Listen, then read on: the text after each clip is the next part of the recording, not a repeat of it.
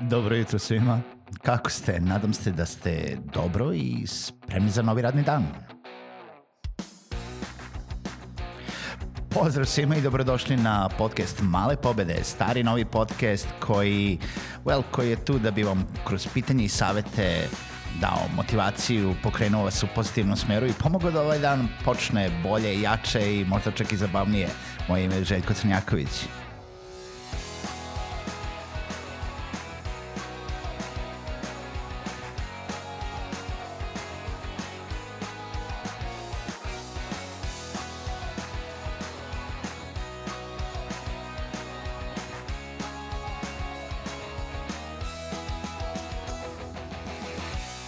Pozdrav svima, dobro jutro i dobrodošli u novu epizodu podcasta Male pobede. E, nadam se se dobro, nova nedelja je, novi, nova rad, novi radni dan, e, idemo dalje i e, pričamo o nečemu što me par ljudi pitalo, a često sam dolazio u situaciju da isproveravam uvek sam sebe da li to ispravno radim, da li je dobro razmišljanje i generalno ne znam, ne znam način na koji vi razmišljate, ali ću sa vama da, da podelim svoj stav na tu temu.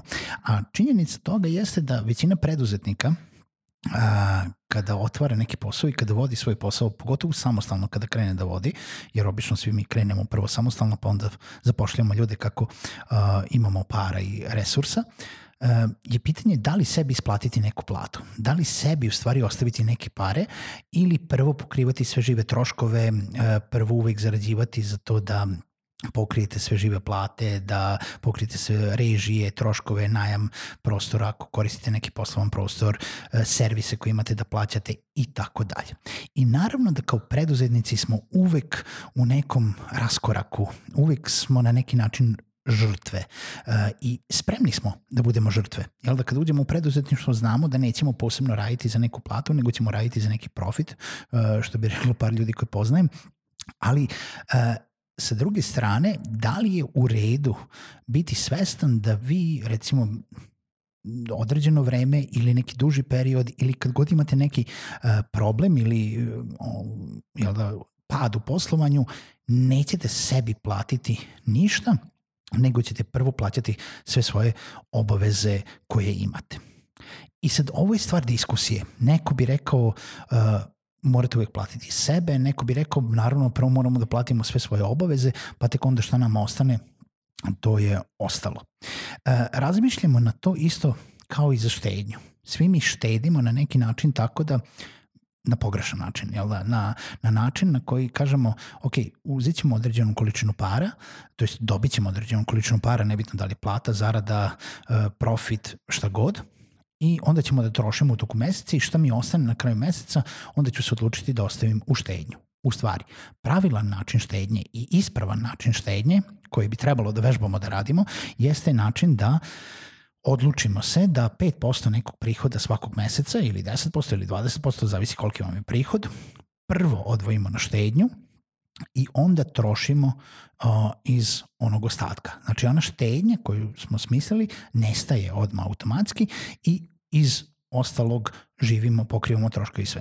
Zašto je to tako? Zato što ukoliko idemo na onaj, na onaj prvi način, mi zapravo nikada nećemo uštedeti ili veoma redko ćemo uštedeti ili dolazit ćemo u varijantu da često ne uspemo da ostavimo na stranu zato što ako štedite samo iz para koje ostanu, redko je kad ostanu. Nebitno koliko para imate, uvek su tu neke druge obaveze, neki drugi problemi i zapamtite, svi vi koji mislite da imate neke manje plate, ili neka manja primanja od onih koji imaju veća primanja, svako ima svoje probleme i svako ima svoje i poslovne i privatne probleme, u tom smislu i troškove, tako da e, nekome kome je problem 100 eura i onom ko zarađuje neke milione, taj ima milionske probleme. Ova ima možda probleme u nekim stotinama eura, ova ima e, isto tako neke druge obaveze i probleme.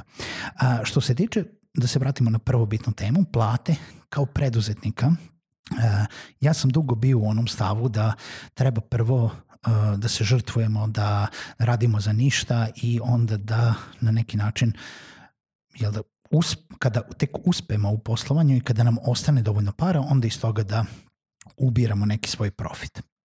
I uživamo u tome, naravno.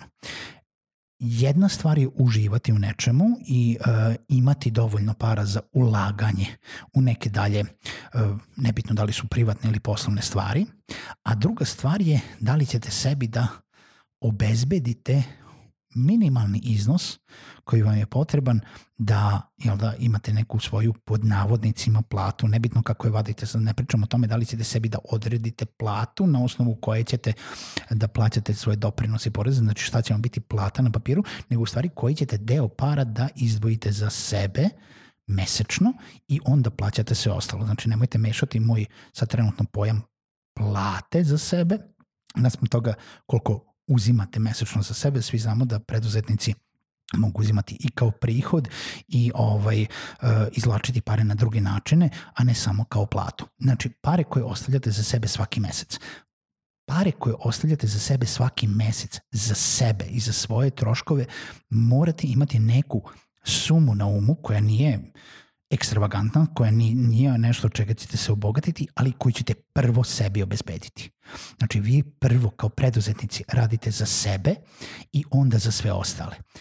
Zašto je to bitno? Zato što ukoliko imate bilo kakve druge tenzije koje se javljaju kada nemate para, ukoliko ste sve svoje obaveze poslovne platili, isplatili plate, platili režije, platili servise, platili zakope sala, platili sve ostalo što imate kao biznis, a sebi niste obezbedili ništa, onda ste u problemu. Onda vaš kredit ne možete da platite. Ne možete da prehranite porodicu. Ne možete da uh, se opustite onih sat, dva, tri dnevno. Ne možete, pod mnogo ste većim stresom nego kada prvo za sebe obezbedite ovaj, te troškove. I sad opet ne pričam o tome da treba da budete bezobrazni i treba da sami sebi kažete ja hoću da sebi obezbedim 1000 evra ili 1500 evra. Ali one troškove koji pokrivaju vaše potrebe mesečne, prvo obezbeđujete sebi i onda plaćate sve ostalo. Kada na kraju meseca svedete na nulu račun, onda treba da se zapitate da li u stvari imate potrebe da imate još pet zaposlenih? Da li imate potrebe da budete u ne znam kojem zakupljenom poslovnom prostoru? Da li imate potrebe da imate možda službeni auto ili službeni telefon? Da li imate potrebe za nečim? Jer vam nije ostalo sredstava nakon što ste sebi isplatili osnovne režijske i životne potrebe. Ako vam je ostalo para, super. Možda nemate dovoljno para da povećate plate, možda da investirate u nešto drugo. Možda ćete vi nazad od svojih para kada potrošite ono što morate da platite za režiju, troškove i sve ostalo, vratiti nazad i investirati ponovo. To rade preduzetnici. Zato se, jel da mi svi non stop obrćemo novac na neki način i non stop ulažemo svoj novac, svoj uh, nekako zarađeni prihod dalje u firmu. Kada nemamo, opet izločimo negde iz svojih zaliha i ulažemo dalje kada posao ne ide dobro. Ali, ponovo ovaj, naglašavam, razmišljanje da kada radite kao preduzetnik, nebitno da li ste sami u firmi i nebitno šta imate, prvo radite za sebe, jer vi ste taj koji morate ili ta koja morate biti motivisani i željni i, i na neki način uh, pripremljeni za svaki sledeći mesec. Vi ne možete sami sebi da date otkaz. Vi ne možete da zamenite sami sebe. Vi nećete nikada otići iz te firme, to je vaša firma. Osim ako je ne prodate nekom drugome, pa je onda isti problem, njegov, problem nekog drugog. Znači, mala pobeda za danas bi bilo kada radimo i razmišljamo kao preduzetnici u nekom toku novca.